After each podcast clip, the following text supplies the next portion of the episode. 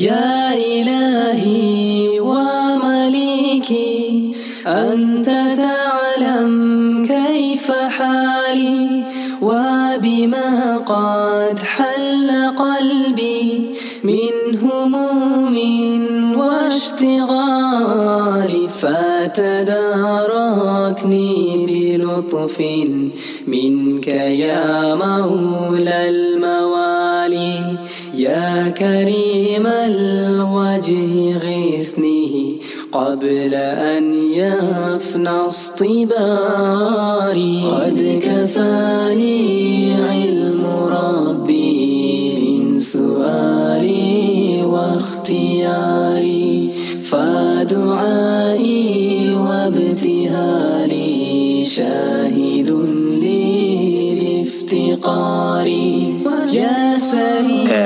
xasana ku soo dhaweynayaa inuu sii furfurto ustaada ku soo dhawo raxmaan raxiim alxamdu lilaahi rabbi alcaalamiin wasalaatu wasalaamu calaa sayid mursaliin wacalaa aalihi wa saxbihi ajmaciin waxaan ka soo warramnay eh, labadii majlis ee hore. Eh, haddaan khulaaso yar eh, ka soo bixino labadii qaacide horeynu soo sheegnay. Laba qaacideynu soo sheegnay oo ahaa ataqayiru iyo alfaqru walixtiyaaj altagayur waxaan soo sheegnay eh, kullu mutagayirin xaadithun. Ama qaabka labaad ee qaacidada loo sheegaa inay ahayd atagayuru siimat alxuduuth tagayurka iyo isbeddelku waa calaamadda kutusaysa shaygu inuu bilow leeyahay. Ama kullu mutagayirin xaadithun shay kasta oo maxay ahayday isbeddelaa ama isbeddel kasta oo dhacaa wuxuu calaamad iyo daliil u yahay inuu shaygani shay cusub oo mar bilaabmay uu yahay ee aanu ahayn shay weligii allihii jiri jiray. Taasi waa labada qaab ama labada nidaam ee qaacidadaas loo sheegay marka. Taasi waa qodob. Sida taas markaa tusaalayaal baynu ka soo bixinay waana jecelahay dadku iyaga laftirkoodu maadaama oo dad dee dalabaa ama aqoon leh gruupka ay ku jiraan ama barnaamijka inta badan ay la socdaan iyaguna tusaalayaashooda ay ku darsan karaan marka niqaashka aynu gaarnay insha allahu.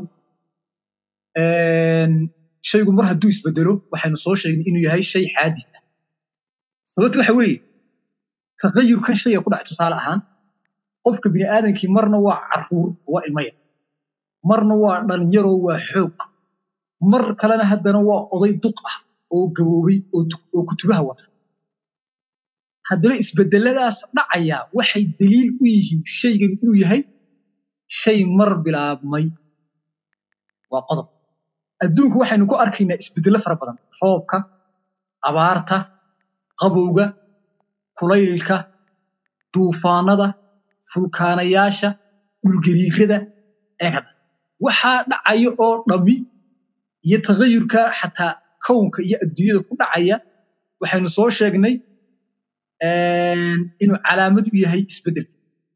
Ama isbedelkaasi inuu calaamad u yahay barbilow shaygu inuu leeyahay xaadidii xidigu waa kuwa maxay ahayd iyaga laftirkoodu isbedelayay mar een, siday u socdaan socdaan xataa mar dambe ay gaadhayaan inay noqdaanba ee, suquub suud ama black holes wax la ydhaha waxaan isbedelin adduunyada ma jiro. Wax kastaynu arkayno dhulka dheh cirka dheh xidigaha dheh dadka dheh xayawaanka dheh dhirta dheh xoolaha dheh wax kastoo adduunka yaallaa isbeddel baa ku dhacaya Een, marka wejiga uu ka yahay shaygaasi xaadis waxa weeye isbedelkan ku dhacaya wax cusub wey dhallinyaronimadani waxa marka hore carruur baad ahayd laakiin hadda waxaad noqotay maxay? Xoog. Dhallinyaronimadii aad haysataad heshay. Haddana way kaa tagto waxaad noqotay qof da'a isbedelkaa kugu yimi dhallinyaronimada ama kugu yimi ee shaykhuukhada iyo gabowgu wax hore u jiri maaha waa wax mar bilaabmay. Markaa shaygaa bilaabmay ee hadda kugu yimi laabudda lahu min muxdis cid waa inay keento. Dhallinyarnimada cid keentay waa inay jirto. Odaynimada cid keentay waa inay jirto. Hadduu duufaan dhaca cid keeni waa inay jirto. Haddii abaar dhacda cid ke- cid keentay waa inay jirto. Waxaasoo taqayuroo imanayaa cid baa ka dambaysa marka. Sidaa daraaddeed waxaan leenahay shaygan taqayurka uu ku dhacayo waa shay xaadis ah. Waayo isbeddelkan imid ee markii hore aan jirin cid baa keentay. Isnama keeni karo. Qofku isagu dhalinyaro iskama dhigi karo. Dhulku duufaanka ma keeni karo oo dabaylaha ma keeni karo roobka ma keeni karo. Taas waa taas. Wejiga labaadee ay ka noqonayo qaacidadu ay naga tusayso shayga xuduudkiisa waxa weeye shaygani waa musayar. Waa shay aan isdifaaci karaynin oo loogu talagalay aan ka leexan karayn hadda qofka bini'aadanka ah awood uma laha inuu dhalinyaronimadiisa xejisto ilaashado iskama difaaci karo gabowga. Iskama difaaci karo odaynimada. Oo adigaa arkaya oo halkii marxalad ee uu ku bilaabmay xoogga iyo dhalinyaronimada ahaa ama caruurnimada ahayd ma taagnaanaya ee foom kale iyo qaab kale uu gudbiyo. Taas waxay ku markaa shayga inuu yahay shay musayir ah oo la maamulayo oo baawar iyo awood ka sarraysa ay jirto. Daliilka labadan soo sheegnay wuxuu ahaa ee kutusaya adduunyadu inay bi- bilow leedahay alfaqru walixtiyaaj waa daliil muhiim ah oo qofka haddaan si fiican u fahmaan isla wax badan baa u fududaanaya tusaalayaal badanna waan soo sheegnay marka kulli ku soo wada cilminay laakiin waxaan ka rumuusu may ka sheegin marka faqriga waxaa looga jeeda dadka qaar baa laga yaabaa faqriga inay fahmin macnaa waxaa looga jeedaa shaygani adduunka shay kasta oo yaallaa kama maarmo shay labaad ama shay saddexaad shay kastoo adduunka yaallaa keligii is- shaqada ma qaban karo keligii isagu shaqo ma qaban karo. Keligii hawl ma qaban karo. Tusaale ahaan cadceeddu keligeed dhirta ma soo saari karto. Keligeed roobka ma keeni karto. Waynu ognahay cadceeddu waxay ka qayb qaadataa eh, in ay eh, waxay ka qayb qaadataa in dhirtu ay soo baxdo ama nololiba ay ka jirta maxaa yeelay kownka iyo adduunyada waa halka ugu weyn enerjiga laga helo. Ama roobkiiba iyadaa qayb ka ah laakiin cadceeddoo keliyaati dhirtiina ma soo saarayso. Dhirtu waxay u baahan yihiin oxygen ama hawo.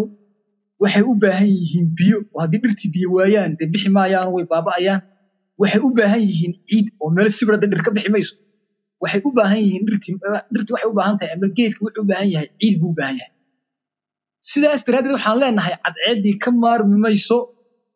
Hawadii biyihii ciiddii sidaas daraaddeed alfaqr walixtiyaaj saasaa looga jeedaa waa baahi shay kastoo adduunka yaalla waanu baahan yahay shaqana keligii ma qaban kara cid kale oo la qabato u baahan yahay oo cadceeddii waxay u baahan tahay in ay biyihii iyo hawadii iyo ciiddii ay shaqada la qabataan marka gruubkaa la helo ayuunbaa geed helaya laakiin haddii cadceed keliya meeshii timaado ama biyo keliya yimaadaan ama hawo keliya timaado lagama yaabo geed inuu soo baxo waxaan soo sheegnay atomku wuxuu ka kooban yahay waa electron iyo proton iyo neutron wax ka sii yar imika waa la sheega waa la laakiin dadku waxay fahmi karayaan iskuullada markii ay dhigan jireen intaas ah sidaas daraaddeed electron quraatoo shaqo qabanayaa ma jiro. Proton keliyo shaqo qabanayaa ma jiro. Neutron keligii shaqo qabanaya ma jiro. Electronku wuxuu u yahay maxay? Proton. Protonku wuxuu u yahay neutron. Sidaas daraaddeed shay kastoo adduunka yaallaa baahi iyo faqri buu ku jiraa marka sidaas daraaddeed maadaama shay kastaa uu baahan yahay oo keligii aanu shaqo qaban karin keligii aanu iswadi karin waxay daliil u tahay taasi maxay? In adduunyadani ay xaadir tahay. Sidee markaa daliil ugu tahay. Wejiga ay kaa tusaysaa waxa weeye ana hada shay laa yastaghnii can hada shay. Shaygani shaygan kama maarmo. Shaygani ba- electronkii neutron kama maarmo. Mar haddaanu ka maarmaynin ima odhan kartid adigoo mulxid ah waxa uu ka maarmay electronku alla abuura. Ama adduunyadii waxay ka maarantay alla abuura. Waayo waxa aan ku leenahay mar haddii ay ka aad leedahay wuxuu ka maarmayaa ilaahay ama adduunyadu waxay ka maarmaysaa ilaahay subxaana wa waxay ahayd inay ka maaranto electronku inuu ka maarmo neutron ama electronku inuu ka maarmo protronka.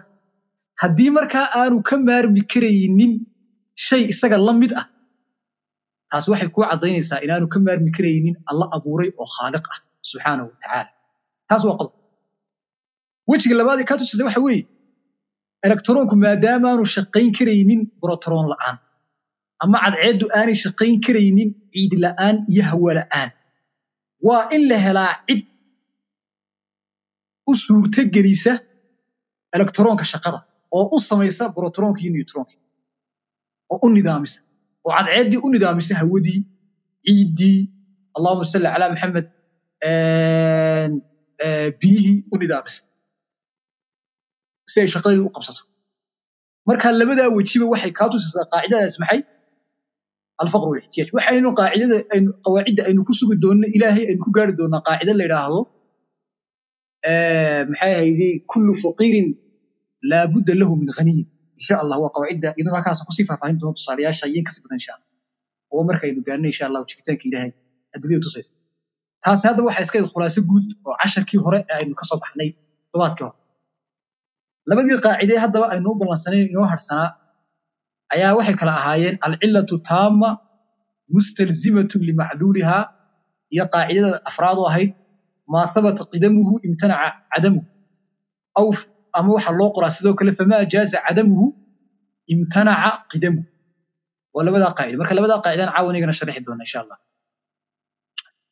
Qaacidada haddaba koowaad ee caawa alcilatu taama mustalzimatun limacluuliha wax marka la af soomaaliyo looga jeedaa cilada taamada ah ee dhammayska tiran waxa ay keensataa oo markaba daba socda oo aan ka hadhaynin oo aanay suurtagal ahayn inay ka hadho macluulkeedu macluulkeedu kama hadhi karo. Ciladaas macluulkeedu kama hadhi karo. Mar haddii ciladii la helo waa in macluulkii la helaa. Waa haddii ciladu taamo tahay ciladu haddaanay taamo ahayn takhalluf baa dhici kara hadday ciladu aanay taamo ahayn macluulku uu ka hadhi karaa. Cilo maxaa looga jeeda hadda? Cilo waxaa looga jeeda dadka qaar baa laga yaabaa in waxaan carab yihiin laga yaaba inay u baahan yihiin in la fahansiiye. Cilo waxaa looga jeedaa waa shayga shaygan dhalinaya waa shayga shaygan sababta u ah ee keenaya. Tusaale ahaan dabku wuxuu sabab u yahay harqi iyo gubid. Haddii dab la helo laabudda waa in shaygaasi uu gubto. Haddii shaygaasi dab uu qaabilayo. Tusaale ahaan haddaan dab ku qabanna maro ama dabkii aan ku qabanno caws ama dabkii aan ku qabanno bac bacdaasi waa inuu gubato. Dabku wuxuu cillo u yahay gubashada. Sidaas daraaddeed mar kasta oo dab la helo gubashaa la helaya lagama yaabo dabkii in la helo gubashadii la waayo. Haddii shaygu dee aanu qaabil ahayn taas waa masale gaar oo maxay ahayd haddaad iminka aad dhagax ku qabato ama wax kalaad ku qabato dabka aan gubaynin ila cilladu waxay jirta meelo aanay ka shaqaynina halkii ay ka shaqaynaysa marka laga helay waxeedii la helo shuruudeedii la helo weyaan marka haddii dab haddii dab la helo gubasho lama waayi karo waa in gubashadii la helaa. Haddii biyo la helo waa in qoyaan la helaa meeshii dee qaabilayso qoyaanka tusaale ahaanoo kale haddii aan maro qoyno oo biyo ku shub ama aan ciiddii biyo ku shubno ama aan dhulkii biyo ku shubno waxa qasab ah biyahaasi inay wax qooyaan. Lagama yaabo inta biyo la helo inaan qoyaan la helin ama haddii biyihii aan dab ku shubno waa in dabkaasi uu baktiyo lagama yaabo in biyo la helo oo dabkiina uu baktiyo sidaasaa looga jeedaa marka cillo. Cilladu waa shayga waxaan keenaya waxaan dhalinaya labada tusaalana inoogu filan haddaba qaacidadani waxa ay radi ku tahay oo ay burinaysaa habeenkii horena waynagii soo sheegnay fikrad ay qabaan falaasifadu oo ah qidamul iyagu way aaminsan yihiin in alla saanici uu jiro oo wax abuura laakiin waxa ay diidan yihiin waxa weeye in adduunka uu abuuray oo waxay ku leeyihiin adduunyada wuxuu u yahay isagu maxay? Cillo. Adduunkiina waa maxay ahayd macluulkiio sida ilaahay uu qadiim u yahay ayaa maxay? Adduunyadiina ay qadiim u timi ku leeyihiin marka sidaas daraaddeed waxaan leenahay haddii taas aad sheegaysaan ay run tahay qaacidadanaa idinka hor imanaysa oo qaacidadanaa idin burburinaysa sidee bay idiin burburinaysaa waxaan leenahay cillada taamada ah taltazimu mustalzimatu limacluuliha walazima anlaa yatakhallafa canhaa shay'un ama macluuluha cilladaas taamada ah suurtagal ma aha inuu ka dib dhaco macluulkeedu inuu ka hadhaa suurtagal ma aha. Mar haddii ilaahay uu cillo u yahay adduunyada waxay ahayd adduunyada in adduunyaduna wada qadiim ay noqoto oo shay cusub oo xaadisi aanu ku soo biireen. Waxaynu inagu ogni adduunyada maalin kasta waxa ku soo kordho ku soo biira dad baa dhalanaya dad baa dhimanaya dhir baa soo baxaysa habeen baa imanaya maalin baa imanaya abaar baa imanaysa roob baa imanaya. Haddii markaa ay tahay adduunyadu haddii ilaahay markaa uu cillo u yahay adduunyada shay cusub kuma soo biireen adduunyada wax cusuboo ku soo biira waa la waayi lahaa. Mar haddaba haddii roob maanta yimi mar haddii maanta abaari timi mar haddii maanta habeen yimi mar haddii maanta maalini ay timi yaa keenay weeye su'aashu ila shaygan xaadiska ah likulli xaadisin laabudda lahu min muxdis roobkan xaadiska iminka yimi duufaankan iyo dhulgariirkan xaadiska ah ee iminka yimi waxa laga maarmaan ah inuu jiro muxdis ama cid ka dambaysa oo keentay. Taasi waxay markaa caddayn u tahay roobka imanaya iyo barwaaqada iyo abaarta iyo dhulkariirka iyo fulkaanu waxay daliil u yihiin inaan adduunyadu aanay qadiim ahayn. Waayo haddii ay adduunyadu qadiim tahay roobna ma yimaadeen fulkaanna ma yimaadeen dhulgariirna ma yimaadeen abaarna ma timaadeen ee adduunyadu hal marxalad bay ku jiri lahayd oo ku istaagi lahayd. Sidaas daraaddeed taasi waa qodob koowaad. Waxaa jira qaar iyagu ka mida kuwan iminka jooga mulxidiintanoo aaminsan qidamulmaada oo qaacida iyada laftirkeedu waxay ridi ku tahay kuwa aaminsan in maadadu waa qadiim ku leeyihiin laakiin waxaa xaadid ahay waa foomkanay qaadanayso. Shakligan iyo qaabkan ama kulayl ha noqdo ama qabow ha noqdo ama qaabkan u samaysmayso ee iminka aad arkayso ayaa isagu ah bay ku leeyihiin xaadid. Laakiin maadadu waxaanay ka samaysan tahay iyo atomiskanay ka samaysan tahay waa wax qadiima ah ayay taagan yihiin taana qaacidadana burinaysa haddii markaa maadada ama atomka uu asal ama cillo uu u yahay foomka iyo shakliga atomkuna uu yahay shay qadiima waxay ahayd in shakligan iyo foomkana uu qadiim noqdo oo aanu ka harin.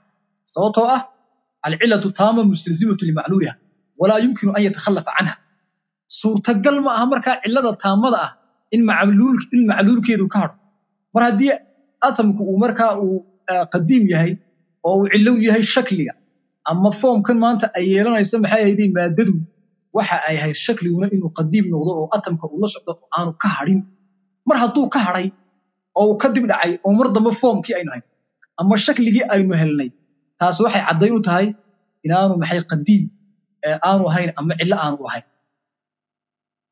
taas haddaba waa labada tusaale. Iyo maxay ahaydee sharaxii qaacidadaas caalamkan aynu joogno saddex ikhtiyaar baa inoo bannaan. Inaynu idhaahno weligii waa caalamku waa qadiim. Oo dhammaantii waa qadiim. Iyo inaynu idhaahno maya ee dhammaantii waa xaadis iyo inaynu idhaahno qaarkiina waa qadiim caalamka. Caalamka barhkiina waa xaadis oo wax mar bilaaba hadda suurtagal maaha mulxidku inuu nagu idhaahdo caalamku dhammaantii waa qadiim. Sababtoo ah waxaynu arkaynaa caalamka wax badan oo ka mida oo indhahayna aynu ku arkaynaa in caalamka wax badan oo ka mida ay xaadis yihiin. Waxaa ka mida tusaalayaasha haddaan soo sheegin roobkanaa ka mida abaartaa ka mida waxaa ka mida maxay ahaydee dhulgariirada fulkaanayaasha duufaanada iyo dabaylaha. Waxaasoo dhan baa ka mida dadka dhalanaya dadka dhimanaya xayawaanka xoolaha dhirta waxaasoo dhan baa ka mida habeenka iyo maalintaa ka mida haddaba waxaynu arkaynaa in adduunyada qayb dhan oo ka mida oo inagu aynu indhaheenna aynu ku haynaa in ay yihiin wax xaadis ah oo mar bilaabmay oo aan maxay ahaydee qadiim ahaynoo maalin walba qof baa dhimanaya dhalanaya. Maalin walba xayawaan baa dhalanaya dhimanaya. Duufaan baa imanaya dhulgariir baa imanaya. Haddaba waxa isweydiin leh.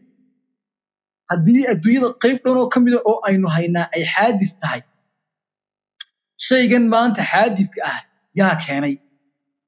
Lama odhan karti adduunku dhan waa qadiim waxay haynaa qaybo dhan oo xaadis ah. Waa laga yaabaa qofku waxa aanu arkaynin tusaale ahaan dhulkoo kale ama cadceeddan ka fogoo kale inuu u aamino inay weligood qadiimi laakiin uma aamini karo suurtagal maaha qalbigiisu inuu ka dhaadhiciyo dadkanaa qadiima dhirtanaa qadiima xayawaankan fulkaanahan roobkan ayaa qadiima ma odhan karo ama habeenkiiyo maalintaa qadiima ma odhan karo. Sababtaan u odhan karin waxa weeye waxaynu arkaynaa maalin kasta inay soo cusboonaanayaan oo maalin kasta ama xilli kasta iyo fasal kasta roob imanayo dabayl imanayso duufaan imanayo. Markaa qofka bini'aadanka ahi ee fidradiisu ama caqligiisu aanu qof waalan aanu ahayne miyir qabaa qof kastaa wuu arkayaa in shaygaasi yahay shay xaadis ah oo mar bilaabmay. Sidaas daraaddeed maadaama aynu hayno qayb dhan oo adduunyada maxay ahaydee xaadis ah waxa laga maarmaana inaynu hayno oo aynu idhaahno qaacidadeennii eh, shay kasta oo xaadis ah wuxuu u baahan yahay muxdis taasi waa qodob. Markaa taasi waxay daliil u tahay qaybtaa dhamee ka mida adduunyada ee aynu sheegaynay xaadiskay waxay daliil u tahay adduunyadu inaan qadiim ahayn. Waayo haddii adduunku qadiim ay uu yahay ashyaadan iminka xaadiska ah ee timi may timaadeen oo qaacidada aynu sheegayna u daliila in layla fahmaan oo ka gudbayaa shayga xaadiska ee adduunyada yimina waxa laga maarmaana cid keenta inay jirto dee alla cidaan ahayn oo wax keeni karta oo shay cusub ku soo kordhin karta adduunyadana ma jirto intaa markaan kaga soo gudbo qaacidadaas waxaan ku dari lahaa qaacidadii labaad ee ahayd maa qidamuhu imtanaca cadamuhu aw fi maa jaaza maa jaaza cadamuhu imtanaca qidamuhu markaan af soomaaliyeyn macnu waxay noqonaysaa maa habata qidamuhu wixii ay sugnaato shay shaygan ay- haddii shaygan ay sugnaato inuu qadiim yahay oo weligii uu jiri jiray waxa mamnuuc ah oo aan suurto gelaynin in la waayo shaygu mar hadduu qadiim noqdo ma baabi'i karo ama qaabka labaad ee qaacidada loo qoraa waxa weeye maa jaaza cadamuhu wixii ay bannaan tahay in la waayo ee la waayi karo. Imtanaca waxa mamnuuc ah. Qidamuhu inuu qadiim noqdaa waa mamnuuc. Oo suurtagal maaha inuu qadiim noqdo. Waayahay taa macnaheedu maxay ka dhigan tahay? Tusaale ahaan hal tusaale aan bixin. Hadda qofka bini'aadanka ah ee nool innaga ka soo qaad. Waxa aynu ognahay qof kasta inuu dhimanayo oo ciiddu ay baabiinayso weliba. Waxa ka soo hadha waa laf yar. Ama haddii neefba aad disho oo bannaanka aad dhigto marka ciiddu ay cunto ama uu dirxigu cuno neefkaa meesha ugu imanaysid lafahaasna waa laga yaabaa haddii xataa ay duugoobaan inay baaba'aan ama haddii xataa aanay duugoobin laakiin lagu shubo acid lagu shubo in lafii xataa ay burburayaan oo ay baaba'ayaan oo wax ka jiraya aanay jirin ciid noqonayaan waaye waxaynu arkaynaa dhulka qaybo ka mida in uu ku dhaco dhulgo wax la ydhaha oo dhulka qayb ka mida ay go'daba ama marka fulkaano uu qarxaba dee maxay ahayde ay dilaacaan waxaynu haynaa oo hadda saynisku caddeeya cadceedda in maalin kasta wax bura laaleega ay go'aan cadceeddu waa energy energyga ay bixinayso. Iminka haddaad dhuxul gubto ama aad qori gubto ama aad gubto maxay ahayde dhir? Dambas buu noqdaa. Sidaasoo kale weeye marka maxay ahayde xidigaha iyo cadceedduna oo mar kasta waxa go'aya maxay ahayde qaybo dhan baa go'aya. Marka maadaama cadceeddii maalin kasta wax ka go'ayaan oo wax ka ay maranayso rifan iyo lisan cadceeddii uu ku socdo oo maalin kasta cadceeddii rifan iyo lisan uu ku socdo oo qaybo ka mida cadceeddii la waayayo oo aynu arkayna in cadceeddii maalin kasta qaybo ka mida meeshii ay ka baxayaan oo la waayayo sida bini'aadanka loo waayey ama dhirta loo waayey ama xayawaan kale aynu arkaynaba loo waayey qaacidadaasaan ku dabaqaysa marka.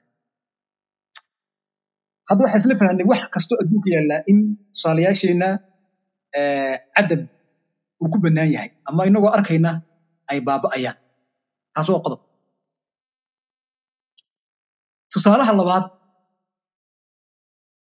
hadda waxaa jira waxa la yidhaahdo electron iyo al-electron almudaad electron iyo electron wax ka soo horjeeda. Ama wax waxa electron mudaadka sidoo kale loo yaqaanaa positron baa la yidhahdaa. Hadda positronkaasi waxa weeye wax kale maaha electronku isagu waa minus positronkan na waa balas. Electronkan iyo positronkani marka ay isku dhacaan labadaasiba way isbaabinayaan.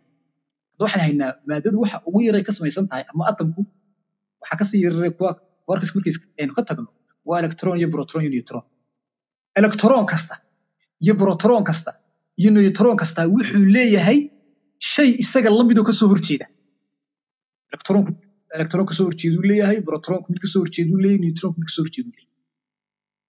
Haddaba maadadan tusaale ahaan electronka iyaga ka soo horjeedaa markay isku dhacaan ee ay kulmaan yafniyaani ama yafnaa bacd axaduhuma alaakhar midba midka kale u dhammaynaya. Hadda electronka iyo electron ka soo horjeeda markay isku dhacaan labadii way baaba'ayaan labadiiba way isla baaba'ayaan hawaday ka baxayaan.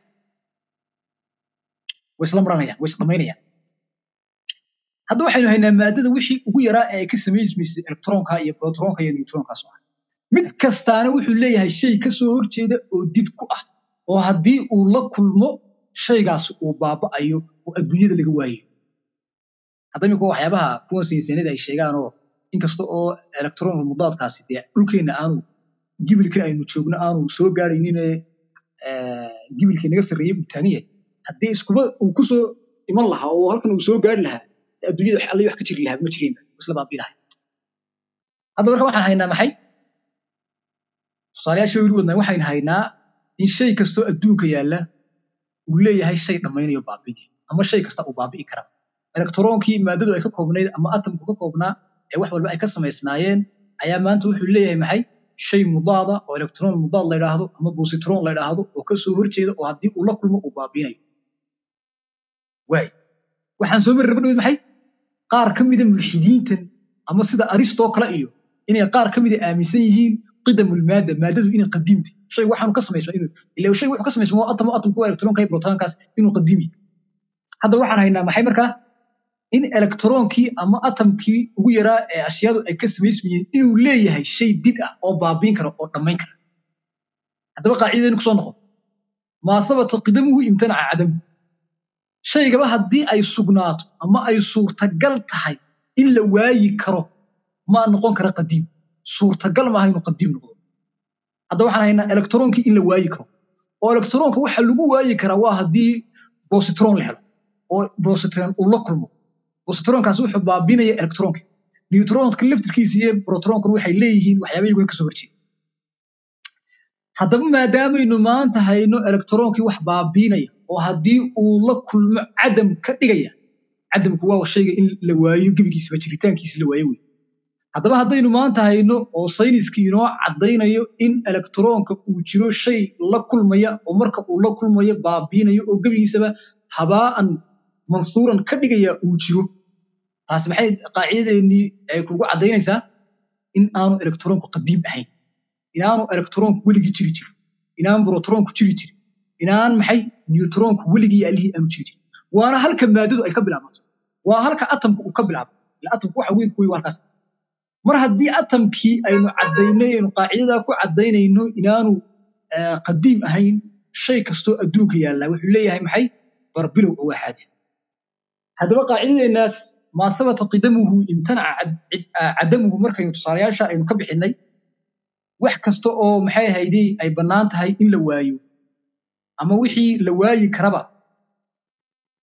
Oo maxay ahaydey la baabiin karaba. Waa shay aan qadiim ahayn markaynu nidhi. Ee tusaalayaasha aynu sheegnay. Maxay haddaba daliil kugu tahay? In shaygaasi markaa uu xaadid yahay. Waa kow. Siduu haddaba ay ku tusaysaa qaacidadu wejiga kaa tusaa waa maxay? Weju dalaalaan laga dadka qaar de markaa sida loogu sheegay in qaacidada iska fahmi karaan laakiin dadka isku mustawa maaha oo laga yaabaa. Dadka qaar fahamkooda mustawahoodu marka qaar kale ka yar hooseeyo marka waa si yar sharaxeen wejigu dalaala waxa weeye shaygan la baabiin karo ee maxay ahaydey adduunka laga saari karo ee la waayi karo. Wuxuu waayitaankaa la waayi karaa uu calaamad u yahay calaa bidaayati shaygan inuu bilow leeyahay. Wa faqri iyo shaygan inuu baahan yahay. Waa kow taas waa kow. Oo shaygani electronkii iskama difaaci electronkii iskama difaaci karayo positronkii iskama difaaci karayo. Ile markaad leedahay shaygu waa qadiim macnaheedu waxa weeye waa ghaniyun can khaaliqin wa muxdithin waa shay ka maarmay cid abuurta ama cid maxay hayday jirsiisa. Mar haddaad halkaa taagan tahay marka adigu aad mulxi taho sidaa aad aaminsan tahay innaguna aynu leenahay shayga mar haddii faqrigiisu uu sugnaadaba waa shay xaadis ah oo baahana ah waan istifaaci karayn teenii baynu ku noqonaynaayo mar haddii shaygani aanu iska electronkii haddaanu iska difaaci karaynin positronkii aanu iska difaaci karaynin oo jiritaankiisa aanu ilaashan karaynin hee shay isagu marka hore jiri jiray ma aha oo khaaliq ka maarmi karaya. Waayo hadduu khaaliq ka maarmi karayo oo isjirsiinayo wuxuu iska difaaci lahaa maxay positronku iska difaaci lahaa wuxuu iska difaaci karahaa wuxuu iska difaaci kari lahaa baabiinta la baabinayo ayuu iska difaaci kari lahaa mar haddaanu taa iska difaaci karaynin waxay taasi daliil u tahay inaanu ka maarmi karaynin khaaliq iyo cid abuurtay oo ka dambaysa marka waayo shaygu haddii aanu xaadis ahayna lama waayeen waayo wuxuu noqon lahaa shay baaqiya ayuu noqon lahaa marka sababtoo ah qadiimnimada iyo shaygu inuu baaqi noqdaa shaygaas waxa uu leeyahay sifatu qayuumiya sifo ah inuu shaygani qayuum noqdo oo jiro oo maxay ahayde aan la waayi karin marka. Marka sifatulbaqaa hadday meesha ka baxdo ama sifadii waaritaanku haddii meesha ay ka baxayso oo cadda meeshii uu soo gelayo oo maanta la waayey waxaynu ognahay shaygaasi shay weligii jiri jiray inaanu ahayn. Shaygaasi shay weligii jiri jiray oo weligii joogi jiray inaanu ahayn baynu ognahay. Waayo haddii uu jiri jiray oo weligii shay taagnaa uu ahaa wuxuu awood u yeelan lahaa inuu waariyo oo uu sii haysto maxay jiritaankiisa? Haddii shaygu barbilow aanu lahayn oo mar uu bilaabmay aani jirin waxa waajib ku noqon lahaa ama uu awood u yeelan lahaa inuu jiritaankiisa uu sii waariyo oo jiritaankiisu uu baaqi sii ahaado. Marka mar haddii jiritaankiisu aanu baaqi sii ahaanayn mar haddii jiritaankiisu aanu sii waaraynin ee la waayi karayo taasi waxay kuu caddaynaysaa shaygani inaanu shay jiri jiray aanu hayn. Sida maanta nihaaye ay u yeelatay jiritaankiisii oo jiritaankiisii maanta uu u yeeshay maxay ahayde bardhammaad ayaa jiritaankiisuna wuxuu u yeelanaya maxay? Barabilow uu u yeelanaya. Waa qodob qodobkaas marka. Wejiga labaad ee waxa weeye shaygu marka aad leedahay waa qadiim macnaheedu waxa weeye waa haniyun waa shay maarmay oo ka maarmay cid abuurta. Cid adduunyada keenta. Cid mar aasaasta ama mar bilowda. Mar haddii haddaba fikradda aad taagan tahay ah shaygu hadduu qadiim yahay waa shay mustaqni ah oo maarmay. Tani maxay kuu caddaynaysaa? In shayga cadam laga dhigo oo la baabiiyo oo adduunyada laga saaro oo kownka laga saaraa waxay kuu caddaynaysaa shaygaasi inaanu hani ahayn. Inaanu hee hani ahayn. Mar haddii aanu hani ahayn oo maxay ahayday shay isku filan aanu ahayn. Ma noqon karo shaygu maxay? Qadiim ma noqon karayo. Waa qodob. Taas waa ta mar haddii aanu shaygu isku fillaan karaynin oo maxay ahayday baahidiisa aanu dhammaystiri karaynin oo aanu ka maarmi karaynin maxay ahayday mar haddii aanu baahidiisa dhammaystiri karaynin kama maarmi karo cid aasaasta ama bilowda ama barbilow u yeesha marka mar kasta oo cadamku uu yimaado shay waxay kuu caddaynaysaa baahidiisa waxay kuu caddaynaysaa bilowgiisa. Baahiduna waa qaacidadii aynu soo marnay ee aynu ku caddaynay adduunyada inuu bilowda alfaqr walixtiyaaj waana qaacida muhiima oo mar kastoo adduunyada aynu meel kastoo adduunyada aynu ka eegno iyo wax kastoo adduunyada yaalla iyo shay kastoo adduunyada yaalla oo aynu soo qaadnaa waa shay maxay ahaydey baahan oo aan keligiis wadi karin keligii aan maarmi karin keligii aan istifaaci karin waana qaacidadii marka hore aynu ka soo baxnay. Dhinacna qawaaciddu way iskaga xidhan yihiinoo maxay ahaydey waa waa waa maxay ahaydey isku soo waa laga yaabaa shaygii in maxay laga yaaba hal meel inay ka soo wada toogtaan. Marka markaan soo ururino aynu soo koobno ee aynu soo khulaasayno qaacidadaas maa thabata qidamuhu imtanaca cadamuhu oo tusaalayaashaan aynu wax kastoo adduunka yaalla ee maanta aynu hayno oo aynu arkayno uu baaba'ayo. Oo la waayayo hadday bini aadan noqoto hadday xayawaan noqoto hadday dhul noqoto hadday maxay ahaydey samaawaadka aynu arkayno ama xidigaha iyo cadceedda iyo dayaxa ay noqoto wax kasta oo adduunyada aynu hayno waa shay innaga ayaaba saynisku ayaynu ku arkaynaa xataa ma aha waa la waayi karaa maaha saynis ahaan baynu u arkaynaa isagoo la waayayba maanta. Elektroonkii loo arkayo isagoo la waayayo haddii busatron la kulmo. Oo maanta loo arkayo cadceeddii in maalin kasta wax buuralaaleegay ay go'ayaan. Oo maxay ahayd xajmigeedii maalin kasta naqsi uu ku dhacayo. Oo maalin kasta ay sii yaraanayso oo inagu aynu arkayno maalin kasta dadkan dhimanaya ciidda noqonaya ee baaba'aya ama dhirta maxay inta la shido? Dambas noqonaysa baaba'aysa. Marka shay kasta haddii la waayi karo ma noqon karo maxay? Qadiim. Ma noqon karo shay jiri kara sida nihaayadiisu sida maxay ahaydey jiritaankiisu uu nihaaye u leeyahay ayaa bilowgiisuna muxuu leeyahay? Ayaa bilowgiisu maxay ahaydey jiritaankiisu uu nihaaye u leeyahay. Ayaa jiritaankiisuna wuxuu u leeyahay? Bilow iyo barbilow iyo bidaayo uu leeyahay. Marka markaan isku soo khulaasayno labadaa qaacido iyo labadii qaacido hore afartaa qaacido waxaan kaga baxaynaa caawa insha allahu oo halkaan ku soo gabagabaynaynaa. Qawaaciddii caqliga ahayd ee lagu caddaynayay adduunyadu inay barbilow ay leedahay. Qaacidada koowaad waxay ahayd atagayur kullu mutagayirin xaadithun ama alxuduuthu siimatu atagayuru siimatu xuduuth. Iyo qaacidadii labaad oo ahayd alfaqr walixtiyaaj iyo qaacidada saddexaad oo ahayd alcilatu taama mustalzimatu limacluuliha walaa yumkinu an yatakhalafa canha iyo qaacidada afraad oo ahayd maa habata qidamuhu imtanaca cadamuhu aw maa jaaza cadamuhu imtanaca qidamuhu oo iyaguna markaa dee aan turjunnay af soomaaligooduna aan sheegnay tusaalayaashooduna aan sheegnay. Marka afartaa qaacido iyo tusaalayaashooda aynu bixinnay insha allah wuxuu ku soo caawa majliskeenii saddexaad oo ku saabsanaa adduunyada barbilow inay leedahay waxaan uga gudbi doonaa insha allahu habeenka soo socda saddex qaacido ugu yaraan ama laba oo iyaguna kuwo saynis ah oo lagu caddaynaya يا إلهي ومليكي أنت تعلم كيف حالي وبما قد حل قلبي